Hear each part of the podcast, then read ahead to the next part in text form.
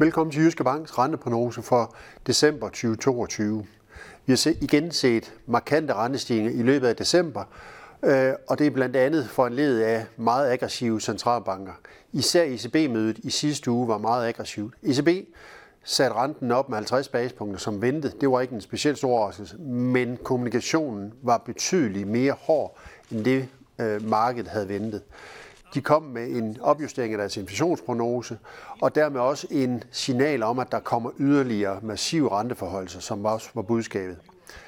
De har også øh, fremrykket, i hvert fald forventning, det, i forhold til det, der var forventet, deres aftrapning af balancen til allerede starte i marts. Det vil sige, at man begynder at sælge ud af obligationer. Det vil sige de facto, at man ikke geninvesterer. Men det betyder alt andet lige, at renterne også derfra kommer til at stige.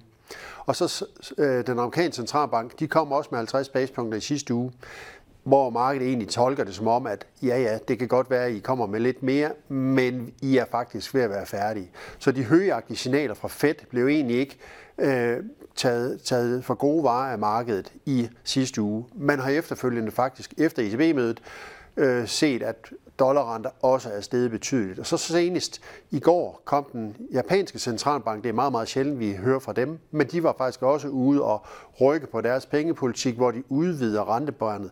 De har sådan et låg på, hvor meget renterne kan stige, øh, og der øgede de den øh, intervallet fra, øh, fra 0,25 til 0,50 øh, procent øh, hvor meget den øh, 10-årige rente kan stige til. Og vi har faktisk set her i dag, at den handler nu omkring en halv procent den 10-årige øh, japanske statsrente. Så der er flere, der begynder at rykke på sig, og det kan altså også have en betydning for de andre centralbanker, også generelt investeringer, øh, især inden for obligationer, øh, for øh, alle mulige andre valutaer, hvad den japanske centralbank gør. Så der kommer rigtig mange ting, øh, hvor centralbanken de strammer op i øjeblikket.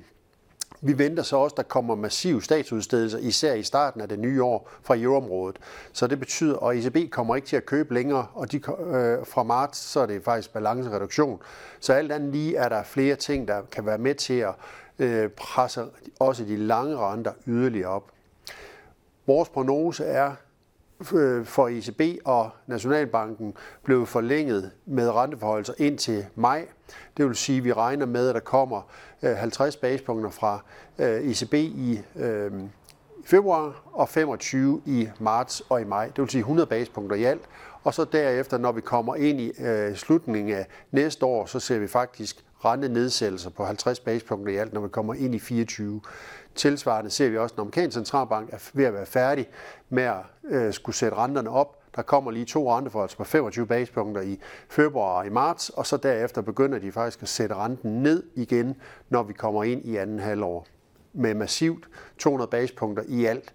Og det er altså noget mere aggressivt, end det markedet ligger priser. Så vi ser egentlig, at renterne de kommer til at køre op, og risikoen er øh, lidt mere op, i, i hvert fald i, i første øh, del af første kvartal, men så faktisk derefter begynder vi at se renterne køre lidt mere massivt ned i løbet af 2023, når man begynder at spekulere i, at centralbanken de skal til at vende rundt, og så faktisk til at begynde at sætte renterne ned.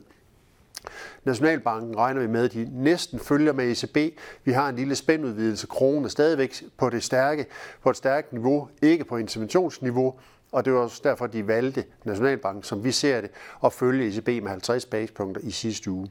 Men vi tror altså, at der kommer en spændudvidelse. Det kommer ikke til at betyde så meget på marginalen, men alt andet lige, at kronen er stærk, så de helt korte danske renter heller ikke kommer til at stige så meget som det, der ligger priset ind i kurven. Og så når vi kommer ind i anden halvår, så faktisk lidt lavere renter, når vi kigger på de helt korte renter, mens når vi kigger på øh, lidt længere øh, rente, jamen, så er vi egentlig ved at være der på nogle niveauer, hvor vi kan begynde at se, at det er mere rentefald, når vi kigger ind i øh, de næste måneder. For øh, øh, låntager, jamen, så er det i det konverterbare segment 5% med afdrag, der er åben for lånoptag. Ellers så skal man øh, op i en 6%, hvis det er med afdragsfrihed. Men vi tror altså, øh, som prognosen ligger, at det kommer til at Øh, vi kommer til at se rentefald, når vi kommer ind i 2023. Øh, så dermed også, at man øh, godt kan forvente, at renterne de bliver altså lavere, kommer et bedre gunstigere tidspunkt, både for en låntager, men selvfølgelig også muligheder nu, for at det næste kan begynde at øge i deres obligationsportefølje af lange obligationer. Tak fordi I så med.